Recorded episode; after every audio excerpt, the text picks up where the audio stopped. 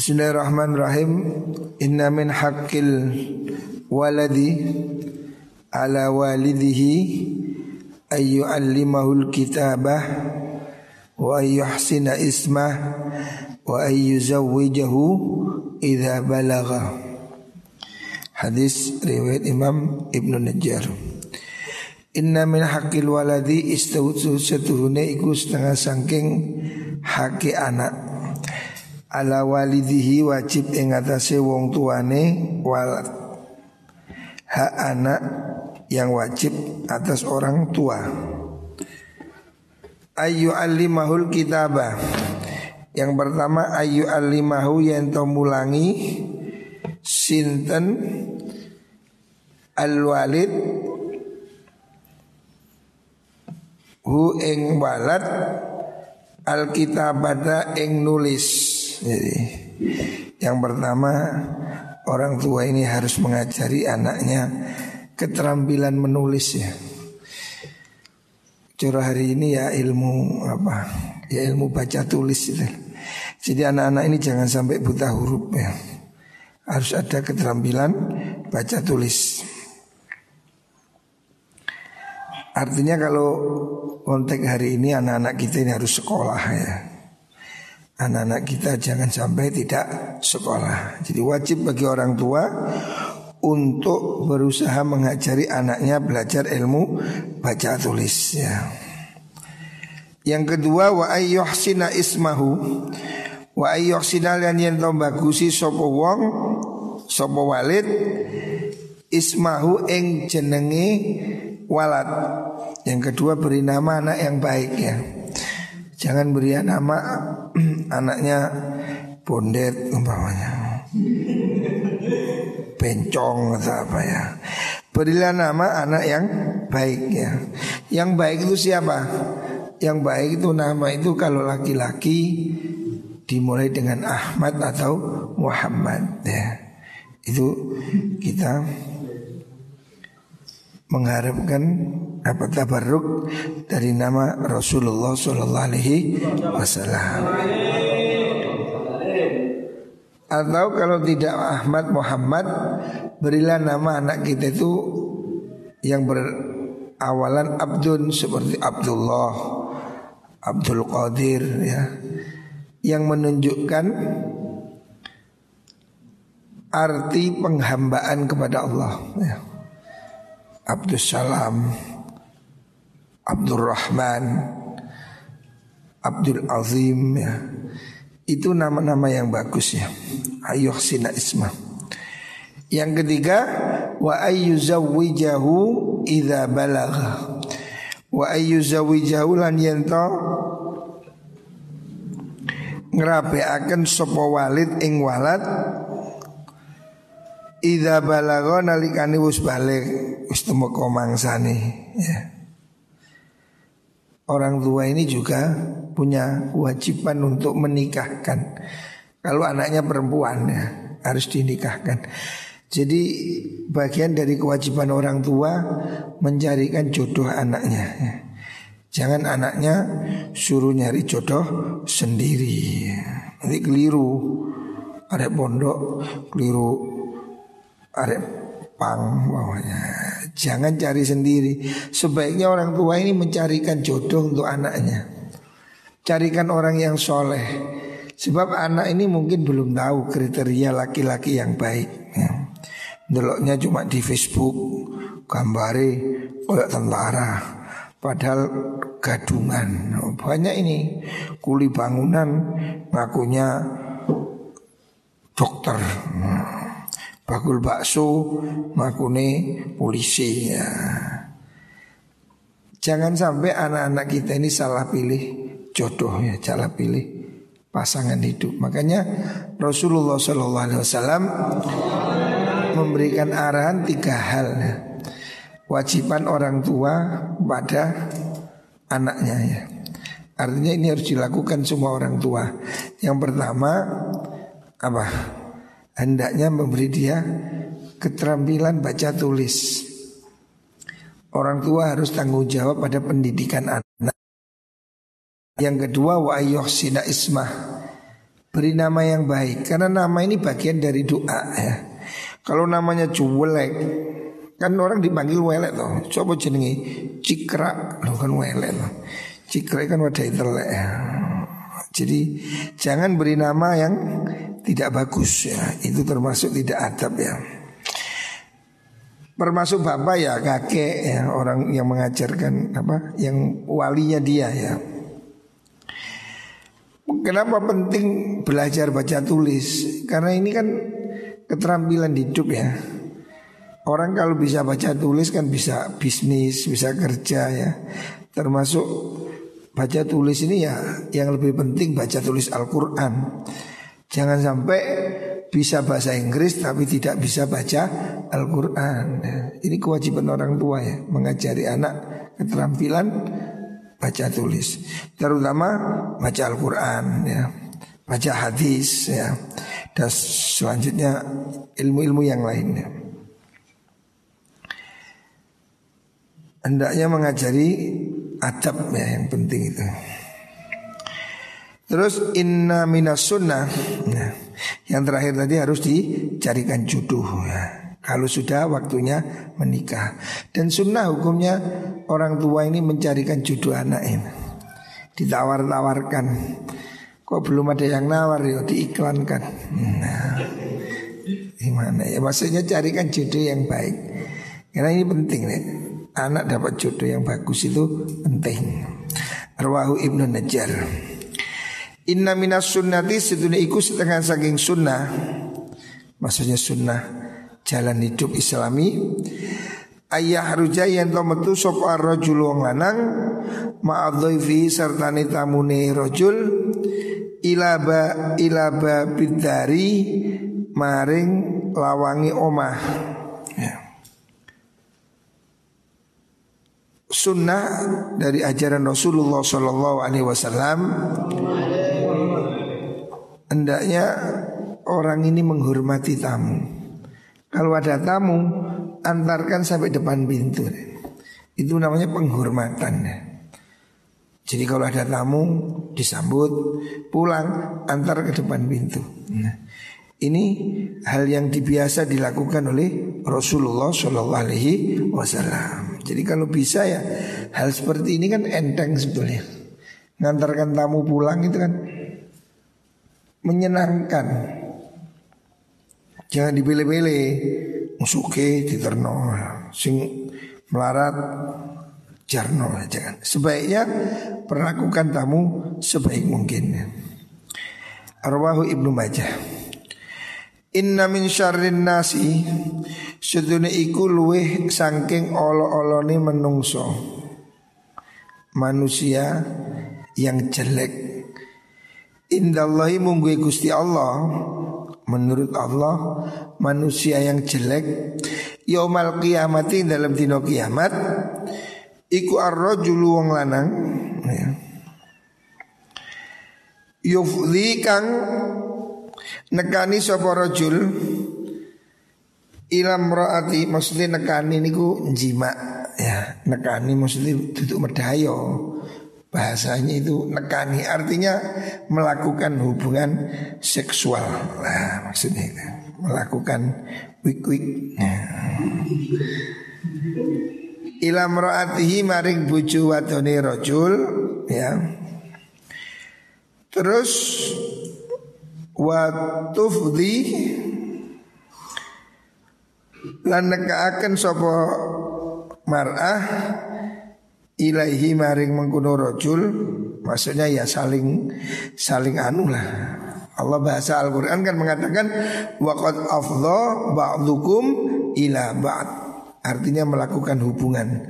Hubungan kan dua-duanya tuh aktif dong ya bodoh lah. Bodoh keselir nah afdha ba'dukum ila ba'd ya Al-Quran mengibaratkan begitu. Hubungan suami istri. Lah yang jelek itu di mana? Sumayan suruh nuli gelar soporojul sirroha ing olone imro'ah. Atau olone niku wau imro'ah zaujah niku Jadi yang tidak boleh itu apabila suami ya menceritakan adegan-adegan dengan istrinya yang nggak pantas. Nah, itu. Anu, anu nih anu, nah gitu loh, nggak boleh ya. Jadi tidak boleh seorang suami itu me, apa membicarakan hal yang begitu dengan orang lain ya. Jangan diomong-omongkan gitu loh. Kenapa kok begitu anu? Ininya anu, anunya anu. Nah, itu lah. Boh, apa aneh pokoknya. Menye menyebut kejelekannya ya. Atau kekurangannya. Oh, ketok anu, tiba eh kak pate anu. Nah, gitu. Atau istri juga nggak boleh sama-sama ya. Suami tidak boleh menceritakan kejelekan istri. Istri juga tidak boleh menceritakan kejelekan suami. Allah mengatakan dalam Al-Quran, La yuhibbullahul jahra bisu'i minal qawli illa man. Allah tidak suka. Jangan kamu didik-didik mengadu lebay status. Anu, anu, tidak usah. Kalau mengadu cukuplah mengadu pada Gusti Allah. Tidak usah ditulis status suamiku anu, istriku anu. Nah, tidak perlu dibuka aib di depan orang lain. Allah menggambarkan suami istri itu kan seperti pakaian kan. Hunna libasul lakum wa antum libasul lahun. Suami istri itu seperti pakaian.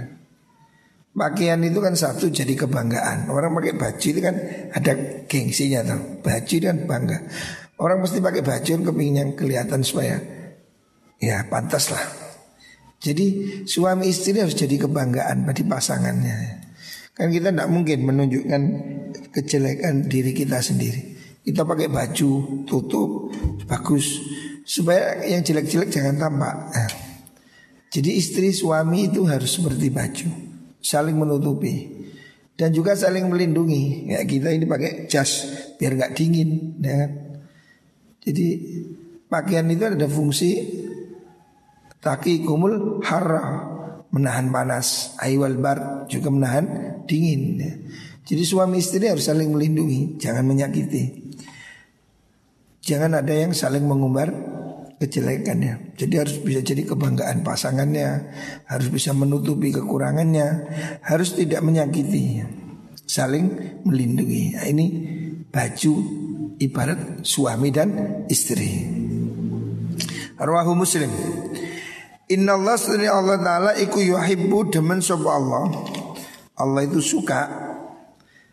Inna Allah Gusti Allah iku yuhibbu demen sapa Allah as-sahla Ing wong kang gampang Maksudnya Asahal itu orang yang Easy going Entengan. At-taliko turkang Acer Praupani Wajahnya bercahaya Jadi Allah itu orang yang disukai Allah itu orang yang endengan, penaan, gampang ya. Jangan jadi berat ya. Rumus di dunia ini sesuatu yang ringan mudah diangkat. Sesuatu yang ringan mudah diangkat ini ringan, mudah diangkat ya. Sesuatu yang ringan mudah diangkat. Manusia juga begitu. Kalau kamu jadi orang ringan ya, gampang suka menolong, suka membantu, suka berbuat, maka kamu akan disukai orang ya. Dan ini kuncinya. Banyak orang pinter tapi tidak sukses di masyarakat. Saya punya banyak teman yang di pondoknya pinter. Hafal ini, hafal itu. Tapi di rumahnya tidak payu. Karena apa? Karena dia berat. Artinya tidak gampang bergaul dengan orang lain. Tidak mudah menolong, tidak mau bekerja sama. Sehingga dia di rumah aja sesuatu yang berat tidak bisa diangkat. Nah, tapi sesuatu yang ringan mudah diangkat. Jadi kalau kamu kepingin sukses di masyarakat, jadilah ringan ya. Kalau bahasa Rasulullah Shallallahu Alaihi Wasallam, yuhibus sahal ya. Orang yang gampang Maksudnya gampang itu enak diajak omong gitu loh. Wajahnya itu gak mencucu, menimbulkan apa? Karena ada orang itu yang kelihatan wajahnya itu gak menyenangkan, merengut, cemberut, menunjukkan apa? Irungnya be cucu teku jejer gitu. Kayak setrika. Badu emang kerut, mulutnya cemberut. Nah, itu kan wajah yang tidak menyenangkan. Itu tidak disukai ya. Yang bagus itu wajah yang at-taliqa. Talik itu maksudnya apa? Wajah yang al-mutahallil. Wajah yang bercahaya. Al-basam yang banyak tersenyum. Al-mutayassir fi amri Yang urusan itu gampang Ayo ya, ya, ayo, ya Kendeng Jaroan, ayo Kerja fakti, ayo Dijak apa, ayo Gitu loh Jadi orang yang endeng Suka menolong. Kalau kamu suka menolong Pasti kamu akan ditolong. Itu rumus ya. Hidup ini balas membalas. Coba kamu lihat Pemimpin-pemimpin itu tidak terlalu pintar Yang pintar profesor di kampus. Ya, pemimpin-pemimpin yang sukses di desa, di mana itu tidak terlalu pintar, tapi orang yang gampang bergaul, pintar berkomunikasi. Jadi salah satu keterampilan penting yang harus kita miliki itu keterampilan berkomunikasi, bisa ngomong ya. Ya apa ngomong be orang tua, gimana ngomong dengan anak muda, gimana ngomong dengan siapa pun. Harus tahu kondisi. Ngomong be wong tua ya. Sing kena cuk ngomong be wong tua kon matamu. Wah dikaplok wong kamu harus tahu oh ini orang tua hormati. Oh ini seimbang. Oh ini sejajar ini bawah atas. Jadi harus ada ucapan yang pantas ya. Itu penting ya. Menaruh sikap itu penting. Orang ini kalau tidak bisa menaruh atau salah menaruh harganya lain ya. Benda yang sama ditaruh di tempat yang tidak sama itu menjadi lain. Emas, kamu tahu emas kan mahal. Kalau ditaruh di geletaan, dikira kuningan. Oh, kuningan ya. Kalau emas 10 kilo berbentuk apa wajan keleleran kayak kelatar gak dicukup walah paling kuningan nah gak taruh cawan taruh tempat kalau di tempat yang tidak layak Emas pun dikira kuningan Maka kamu harus pintar berhubungan Supaya kamu itu baik ya Kamu tahu harganya Aqua itu? Aqua. Aqua satu gelas. Ini bukan Aqua. Aqua satu gelas. Itu kalau beli di Toko pinggir jalan Berapa harganya? 3000 ya. Atau Aqua itu 3000 kalau belinya di terminal berapa? 5 ribu. Kalau belinya di bandara 10 ribu. Merek sama. Pabrik yang sama. Mobil yang sama Tapi kalau belinya di hotel 22 ribu. Ya. Tempatnya beda ya. Coca-Cola Pabriknya di Pandaan. Dari truk yang sama Turun di pinggir jalan. Dijual berapa? 4 ribu. Terus pergi ke terminal Berapa? 8 ribu. Naik ke bandara 12 15 ribu. Kalau di hotel gelasnya bagus Gelasnya yang kristal 40 ribu Coca-Colanya sama Pabriknya sama Truknya ya sama. Apa yang bedakan? Kumpulannya tidak sama. Yang dijual di kios pinggir jalan Itu sama dengan Coca-Cola yang dijual di hotel Hilton persis kalengnya persis. Harganya tidak sama. Karena apa? Temannya tidak sama ya. Sama-sama kulit kulit yang ditaruh di terbang dikepui uang begini prak prak prak prak prak prak tapi kulit yang ditaruh di Al-Quran dicium. Nah, karena temennya Al-Quran diciumi. Sing temennya beduk digebuki. Ya. maka pinterlah kamu berteman. Pinterlah kamu berhubungan ya. Taruh tempatmu di tempat yang bagus Supaya hidupmu berarti ya. Lah supaya kamu diterima orang di mana tempat Bahasa tubuhmu itu penting. Tubuhmu ini akan berkata siapa kamu? Orang tidak tahu kamu bisa baca kitab atau tidak. Tapi penampilanmu itu orang sudah akan menilai Kalau kamu itu bersih, senyum, wajahnya terang. Orang itu langsung ketemu tek. Oh, Orang pintar, orang menarik, orang menyenangkan. Ketemu orang kesannya sudah kelihatan Tapi kalau kamu itu ketemu orang itu nyelintut-nyelintut Kudu nyengit Lek manggen ngaji turuan, buri pisan, waduh Orang itu langsung asosiasi itu ini pemalas. Langsung bahasa tubuh langsung berbicara pemalas ini pemalas ini. Karena udah ketahuan kayaknya udah tubuhmu itu berbicara. Jadi kalau kamu itu tubuhmu itu sudah kelihatan wis gak tegas, lambine lungset, rambutnya apa, itu tubuhmu langsung berkata kepada orang walaupun kamu diam, saya pemalas, saya orang tidak berharga, saya orang yang nomor 55 gitu. Pokoknya kamu tubuhmu itu mengatakan bahwa kamu itu tidak layak dihargai.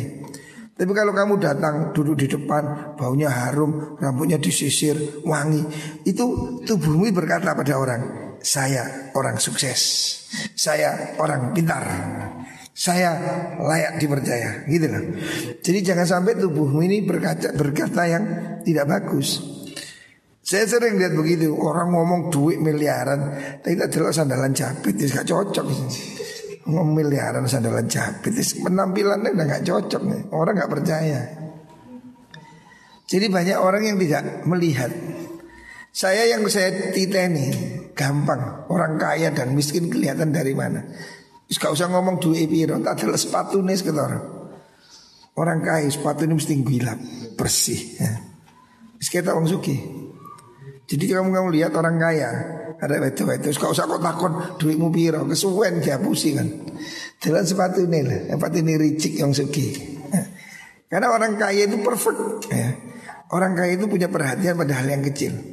Saya lihat mobil orang kaya dan mobil orang miskin. Kau usah delok merek Delok banit doel. Baning gilap itu yang suki. Kenapa? Bersih. Dia cermin dari kepribadiannya. Orang itu perfect, baik. Ya. Dilihat aja. Jadi saya kalau lihat orang walaupun mobilnya itu biasa kira mobilnya bersih, bani ricik, ini orang ini orang kaya atau pengusaha yang bagus karena dia punya perhatian pada hal yang kecil gitu. Sepatu ini bersih. Kalau mobil cukup lihat bani ricik. Maka saya lihat mobil saya itu ban bersihkan. Orang itu sing didok duduk jeruni, delok ban itu wis ketara. Oh iki montore wong ricikan wis ketara. Kalau bani ada senjata ini kopro. Kalau kamu lihat rumah, jangan dilihat ruang tamunya, kabeh mesti api. Delok WC ini. Nek WC ini bersih, berarti orang itu bersih sudah. Koproh itu ya di WC itu. Jadi kalau orang kamu lihat rumahnya kok WC-nya jorok, itu orang jorok sudah. Orang itu nggak bersih, walaupun ruang tamunya bersih. Karena apa? Hal yang paling kecil yang dia tidak tahu, tidak perfect dia, gitu. Maka biasakan kamu tampil detailnya. Sepatu anjing ricik. Orang itu kalau sudah kelihatan kemproh, pikirannya nggak normal. Pikiran sehat itu ada pada tubuh yang sehat. Nah. Syirazi an Abi Hurairah. Inna Allah sedini Allah hadis selanjutnya Inna Allah sedini Allah iku yuhibbu demen sopa Allah Ar-rifqa ing alon-alon tenang. Allah itu suka pada orang yang santai, tenang. Maksudnya orang yang baik-baik ya, nggak kerusuh-kerusuh pinter. Arifqah fil amri ing dalam suci perkara kulihis kabehane amr ya. Jadi Allah itu suka sesuatu yang dilakukan dengan cermat dengan tenang ya. Semua hal ya. Dalam semua perbuatan kamu harus ingat ini. Hendaknya jangan dilakukan dengan tergesa-gesa ya. Hubungan dengan siapa pun ya. Lakukan sesuatu itu difikirkan ya. Fikirkan sebelum dilakukan Jangan kerusak-kerusuh Dengan siapa pun ya Lakukan hubungan yang baik, tenang, halus ya. Gak usah kerusak kerusu, kerutak kerutuk tidak usah. Ya. Biasakan orang ini punya tindakan yang kalem ya. Kalem bukan klemer ya lain. Klemer klemer itu lain. Klemer itu ono wong sing sih klemer. Ya, obahe sih koyo ular keket. Ngene. Kongkon suwe. Nah, itu klemer. Arif kok itu bukan klemer ya. Klemer itu jelek. Klemer itu indikasi dari malas. Jadi kalau orang itu klemer, tidak susah sukses. Saya ini sudah pergi ke Amerika, saya sudah pergi ke Inggris, saya sudah pergi ke Perancis, ke Belanda, ke Swiss, ke Italia. Saya sudah pergi ke berbagai penjuru dunia. Saya melihat di negara-negara maju di Perancis, di Inggris, di Amerika, orang itu semua itu berjalan memburu waktu, keras. Saya kalau mau naik metro, mau naik kereta, waduh, seakan hari tidak ada sudah waduh cocok cocok cocok tapi kalau di negeri miskin ya mesti mungkin santai clear clear rokokan eh. Yaman. Tuh kayak kafe perawatan lagi wong cangkruk ngopi ya. Apa iki jenenge? Ya kayak Indonesia gitu salah satu contoh. Gerdu gerdu itu penuh. ya. Karena banyak orang ahli cangkruan. Ya karena nganggur ya cangkruan. Kan di Indonesia kan semua pojok ada tempat cangkruan. Karena mereka nggak punya kerjaan. Ataupun punya kerjaan mereka tidak sungguh-sungguh. Makanya waktunya dibuang-buang. Malam karambol, sekak, di mana-mana. Di negara miskin seperti itu. Di negara kaya tidak. Mereka lebih tepat waktu karena apa? Mereka pagi harus kerja, sore pulang, pagi kerja, sore pulang. Sehingga nggak ada waktu untuk apa? Clear clear paling malam minggu mungkin mereka keluar makan malam. Tapi kalau di Indonesia kan enggak setiap malam, ya minggu, ya Sabtu, ya Senin, ya Selasa, gerdu selalu penuh. Nah, kopi-kopi selalu penuh, Republik Kopi bukan Indonesia. Orang rokok dan kopi surganya ya Indonesia ini. Wis masih melarat seperti ngopi, CT, ini ini. Ini gak produktif ya di sini. Benging, begadang, terus isu turu, nyambut kayak budali jam songo. Ya kapan sugi ini? Jadi yang bikin tidak kaya itu ya sikapnya itu ya sikapnya buat dia nggak kaya. Saya lihat di negara-negara miskin itu tempat cangkruan itu favorit. Ya. Tapi di negara-negara maju itu orang seperti memburu waktu kayaknya hari ini habis pagi sore orang jalannya aja beda. Saya pernah jalan di Oxford di Inggris itu semua orang itu jalan wak wak wak kau orang lagu ya ya Indonesia kan kayak layangan pedot kan lagu ya. Mande rokokan mana mande nyambut kayak uh. Gak ono wong kesusu gak ono ke Indonesia. Koyo us hari masih jauh. Belanda masih jauh. Wah. Capek ini. Memang orang itu harus harus perfect iya. Orang itu harus apa tenang iya, tapi bukan kendu ya. Beda. Kalem itu maksudnya tidak gerusa-gerusu. Ojo mau kedebek terus wah iya kak situ jangan. Yang maksudnya orang itu arif itu tenang. Dalam arti tidak gerusa gerusu itu. Kan ada orang itu yang apa tidak terukur. Moro-moro begini itu. Responnya terlalu cepat. Tetapi tidak positif. Karena gerusa geruduk salah anu didik us ngamblang didik gelut gitu nah itu jelek ya ngamuk. Padahal kamu cuma apa? Responnya terlalu ini. Kalau istilahnya anak kecil itu apa istilahnya? Anak cilik apa itu sehingga kian pola itu apa jenis kan orang cilik sing pencilaan. Nah yang begitu itu sampai tua pencilaan. Artinya dia nggak bisa tenang. Harusnya bekerja itu dipikir oh saya harus berbuat begini ini begini ini begitu gitu loh. Orang itu berpikir sistematis ya nah itu namanya tenang Fikirkan kamu mau begini akibatnya begini begini itu. Jangan masuk kerutuk kerutuk kerutuk kerutuk kabel ngalor ngalor ngitul ngitul kayak bebek. Jadi tidak boleh kerusah kerusuh ya. Yang tidak boleh itu kerusah kerusuh bahasa Jawanya itu. Tapi juga jangan jadi orang klemer. Klemer itu jelek. Dikongkon sih nah, robot nah, responnya lambat, memori ini rendah. Kayak handphone ngono, handphone kuno jadul, munyer-munyer. Ke mana nu? Enggak maju-maju ini. Itu juga jelek ya. Itu lambat, itu malas. Jadi orang itu harus cak-cak. Rawahul Bukhari. Hadis riwayat Imam Bukhari. Inna Allah sedina Allah iku harrama ngarumaken sapa Allah. Alaikum ingatasi sira kabeh. Allah mengharamkan kepada kamu semua ya. Napa? Uqukal ummahati ing larani piro-piro ibu. Nah, perhatikan ya. Jangan sampai nyakiti orang tua apalagi ibu ya. Wa wa'dal banati lan mendem piro-piro anak. Wa'dal banat itu tradisi zaman jahiliyah nih lah. Orang punya anak perempuan dikubur karena malu. Hari ini juga banyak begini.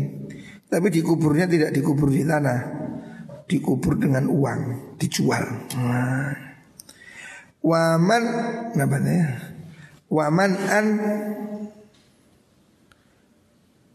Wahati Waman an wahati ini istilahnya Waman an wahati. Maksudnya waman an nyekah Wahati lan jaluk-jaluk ya. Waman an. Artinya itu yang dimaksud adalah manul wajibat ya. Waman an. Artinya dia tidak melakukan sesuatu yang harusnya dilakukan. Nah, waman an. Wahati ya, hati itu memiliki seluruh hati. Maksudnya hati itu istilah dari minta-minta sesuatu yang tidak halal. Ahduma la yahillu min amwalin. Mengambil sesuatu yang tidak halal ya. Minta-minta ada yang mau mana itu man'an bahati itu istilah ya. Maksudnya bakhil dan ngemis itu. Man'an bahati itu man'an itu nyegah. Maksudnya nyegah gitu, medit itu. Tidak melakukan sesuatu yang harus dilakukan. Lah hati maksud itu mintaan. Nah, liman hati itu bakhil dan peminta-minta ya. Itu Allah mengharamkan. Jangan jadi orang bakhil dan jangan jadi peminta-minta. Wa karihalan sengit sop Allah lakum maring sira kabeh Kila wakola sama kila wakola itu kakian omong Kila jari ini wakola lan Jadi kila Kila wakola itu jari-jari ini Bahasa Jawa. Kila dan ucapakan wakola lan ngucap. Maksudnya Kila wakola itu istilah. Kila wakola itu apa? Cara bahasa Jawa itu kakean omong. Bahasa turun ini apa? Banyak colok. Banyak colok. Kakean cucut. Nah Kila wakola Anu bayu cari ini anu Yuk cari ini anu Cari anu Kita beli jari Jara jari jara. Rasa-rasa nih gosip itu. Kila wakola Cari ini anu yuk Lu cari siapa? Cari anu. Lu cari ini anu. Cari anu anu. Cari juwo hari kape Gak jelas jari. Cara makna Jawa jari. Ya. Allah tidak suka. Kamu bergosip Allah tidak suka. Ya. Kila wakola Kila itu kan arti kata kila itu diucapkan wakola dan dia berkata. Katanya anu, loh dia anu kok katanya lah. Katanya dan katanya. Allah tidak suka kamu bergosip ya, gampangin ngono. Jari-jari, kakian ngomong. Ngerti? Anu tambah, iyo moso anu, lu cari anu, lu anu kok aku anu, moso sih mbak lu iyo anu, lu kan karo anu iku anu anu anu, lu anu ta, lu iyo anu. Lu cari anu, ah, cari, cari, cari. Iki biasa wong wedok. Wong wedok iku sak senti dadi 10 meter. Bumbune luwih akeh. Manuk piye bumbune sak ember. Akean bumbune. Jarine anu, iya jarine. Ya jarine anu ngono. Lek wong lanang gak. Tekon di pasar itu. Nang wedok tekon di Mbak. Lu pasar mangan ono kuruna. Mosok cari sapa? Cari ini anu. Iku tutup sing gunung Mas. Sing gunung buka. Iku mangan iku numpak becak tiba. Mosok iya. Jebus becak, jebus regane anu munda anu ya ngono ya tuwa-tuwa. Tekon ndi jawaban iso regane minyak, regane gula, becak guling. Ketabrak sepur ngono tuwa repot wong wedok kon meneng angel. Susah. Wa kathratu su'ali lan akian takon. Akian takon ya elek. Takon Pak Bani Israel. Ya wis ya takon cok akeh-akeh. Ya boleh bertanya tapi cok akian takon. Kok ngono? Loh, kok ngono? Loh, ngono. Ya wis lakon ngono ngono. Wa idha'atul mali lan niat-niaken bondo. Itu Allah tidak suka ya. Mubazir loh rek. Mubazir boros ya. Allah tidak suka. Walaupun itu hal kecil. Saya melihat kamu itu punya kebiasaan boros. Mangan maghrib sahur gak gelem. Itu jelek. Kalau saya itu biasa begitu. Ibu saya itu ngajari begitu. Ibu saya bahkan kadang jangan rong dino tadi siji. Jangan wingi, jangan saya gitu campur. Ini apa bu? Jangan podo moro, sering podo moro, belendrang. Hari ini coba ada dibuat. Lihat dapur itu sering buat makan jelek, saya mesti marah itu. Kamu jangan belajar boros, kamu tidak bisa jadi orang kaya. Jadi menyanyikan harta itu tidak boleh. Saya melihat kamu sering tak lihat di dapur itu masakan kemarin tidak dimakan. Masakan tadi malam pagi sudah nggak dimakan. Nasi tadi malam besok sudah dibuang. Itu nggak boleh. Ibu saya dulu nggak pernah kayak gitu. Ibu saya itu kalau malam hari nasi nggak habis itu saya masih ingat di dang mana di emplok-emplok apa di emplok-emplok. Terus itu ditumbuk itu, itu terus diiris-iris jadikan kerupuk gitu. Kalau nggak gitu besok pagi nasi itu digoreng. Saya melihat di dapur saya itu anak-anak pondok ini Isbosane awakmu kabeh iku. Isu jaluk sego hangat, sego wingi dibuat. Was. Itu buruk sekali ya. Kamu kalau biasa buang-buang seperti nggak bisa kaya. Itu sudah ujar-ujare wong tua biyen Ibu saya selalu bilang begitu. Ojo buat sego, ngare gak iso suki. Tidak pernah nasi dibuat itu. Tapi di rumah ini saya masih sering lihat di dapur itu nasi dibuat itu. Makanya saya marah. Bukan apa, kebiasaan itu buruk gitu. Saya kalau kamu habiskan tidak apa-apa. Tapi kalau kamu buang, saya pasti marah. Karena itu itu apa? Mindset yang jelek, buat itu tidak boleh.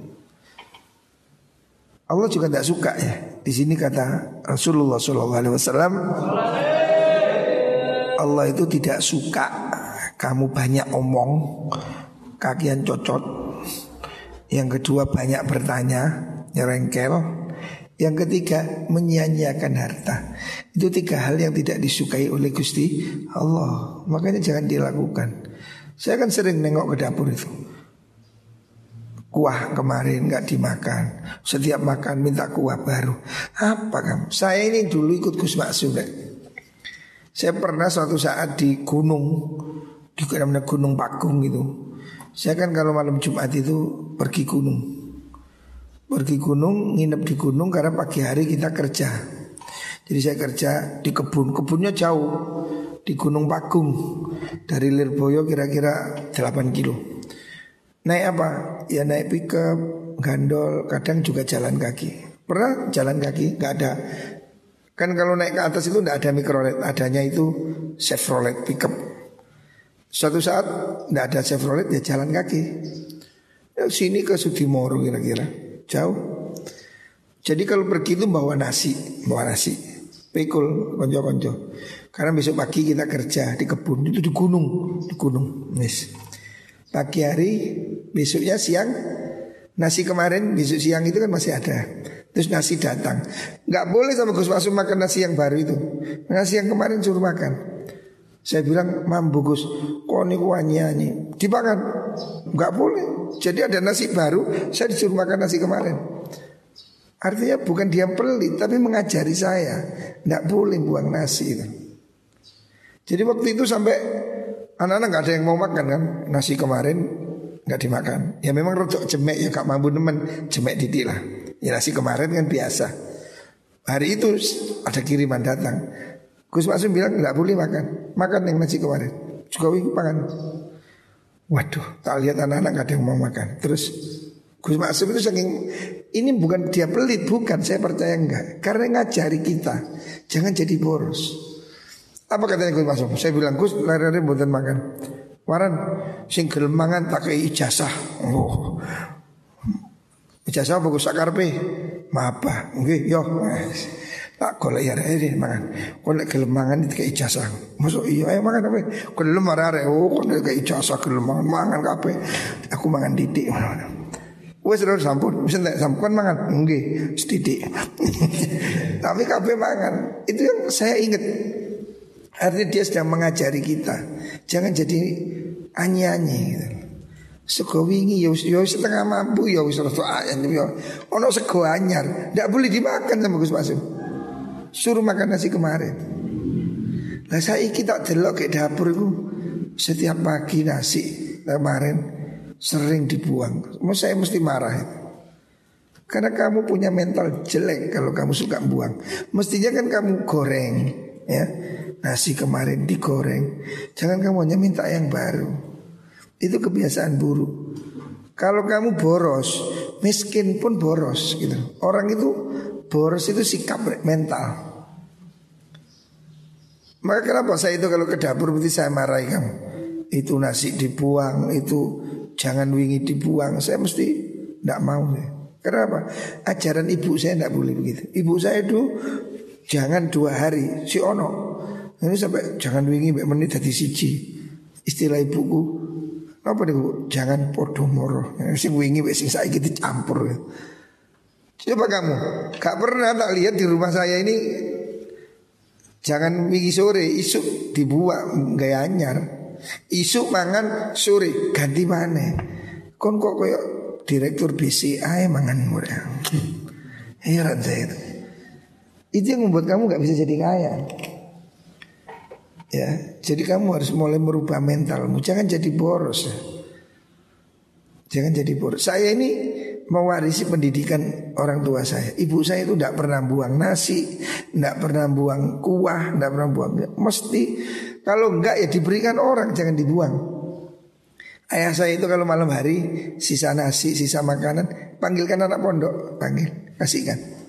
Kakek saya juga begitu. Mbak Yanwar itu kalau disiapin makanan di mejanya, malam beliau nggak dahar, keluar ke pondok dicarikan anak makan nggak mau ada barang dibuang gitu. Tapi di sini saya lihat dapur saya di belakang itu malam gak diinget, gak tiga wong menisuk dibuang. Isuk masak ini, sore masak ngono. Iya, tidak nono aja, kan gak suka besok kati mangan opo kan. Kati jangan sandal lah pokoknya. Itu sih buruk sekali. Saya melihat kamu belum kaya sudah boros ya. Saya aja nggak mau gitu tuh, ya. Bukan saya nggak mampu, sangat mampu. Tapi saya nggak mau. Karena apa? Itu kebiasaan buruk. Saya masih ingat ayah saya dulu di pondok sini ini ada orang namanya Mbari. Allah firlahu. Itu mondok mulai zaman Jepang di sini di pondoknya kakek saya itu. Sampai meninggal tahun 90-an mungkin. Itu pekerja giat Setiap hari macul Pagi macul. Rajin ibadah Zuhur pulang jamaah. Habis zuhur pergi lagi macul Sore pulang setiap hari. Dan itu sampai tua Sampai mati. Sampai menikah Menikah di selatan pondok situ Punya anak Tapi tinggal di pondok Tidur di pondok Santri abadi itu Suatu saat sore-sore pulang dari sawah Macul Setiap sore datang Mesti mikul macul dari sawah Itu yang nangani kebunnya kakek saya Kata ayah saya, saya masih ingat saya masih kecil. Ayah saya bilang, telon bari. Sampai tua nyambut kai soro kai sosuki.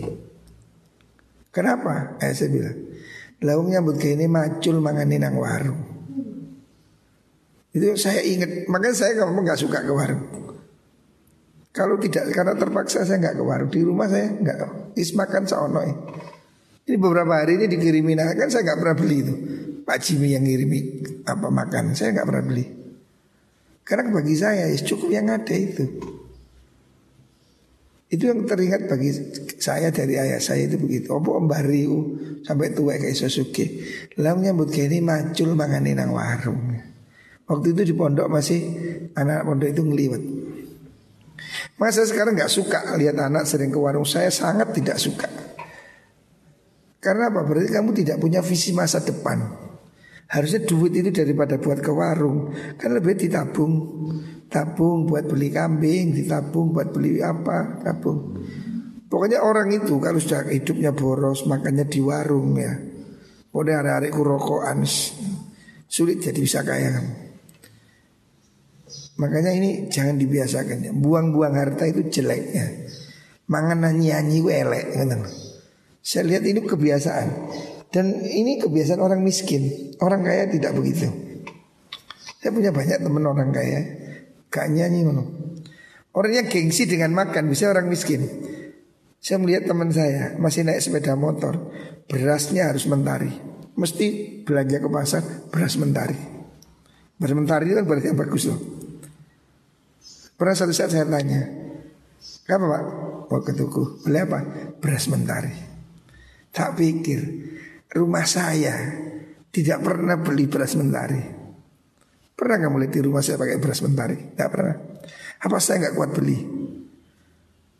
Mungkin saat gudang-gudangnya saya bisa beli. Bukan hanya beras, ya, mungkin saat gudangnya saat terkes saya kuat mampu. Bisa saya bayar semua itu.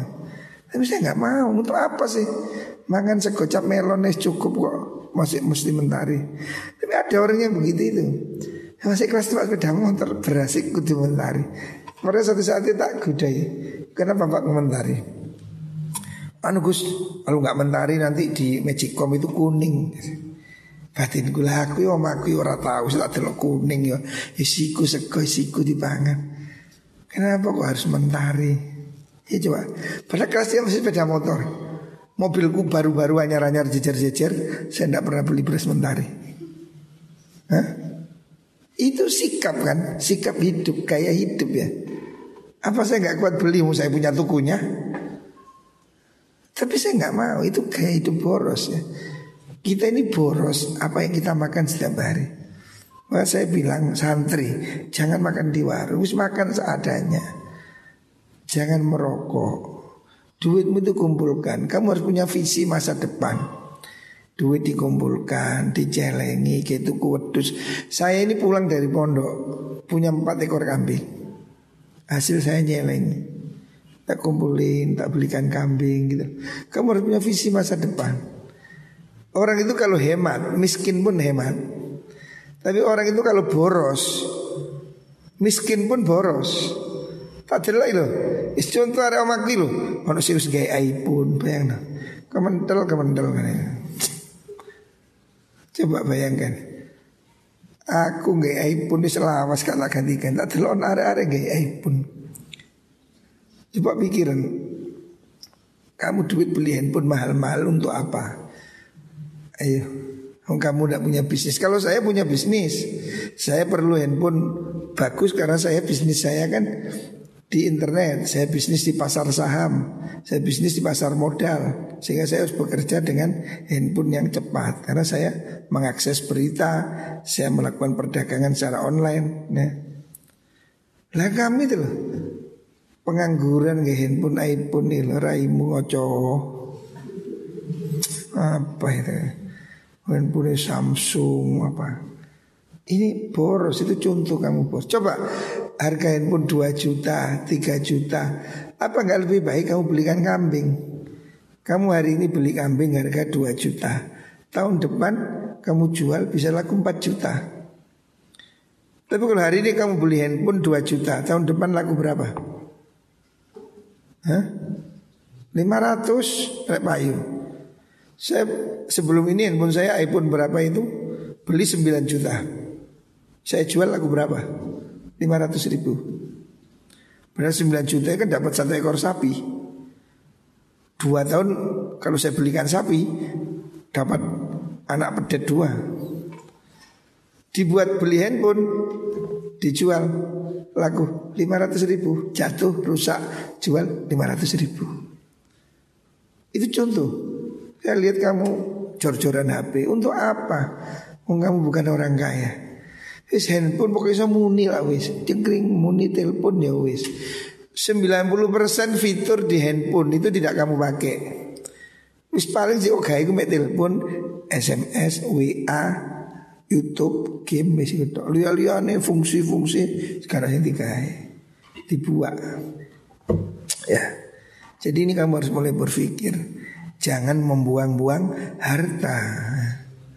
Wis gak usah api-apian HP. Lek nuruti api-apian HP rek kanon eh Mau setiap bulan keluar model baru, keluar model baru. Gak ada habisnya ya. Jadi jangan biasakan hidup boros ya. Muka-muka kita semua diberi rezeki yang berkah. Mungkin ini hari ini ngaji yang terakhir untuk mungkin kita mulai setelah hari raya. Setelah hari raya tiga hari mungkin kita ngaji lagi. Semoga semua jadi ilmu yang bermanfaat.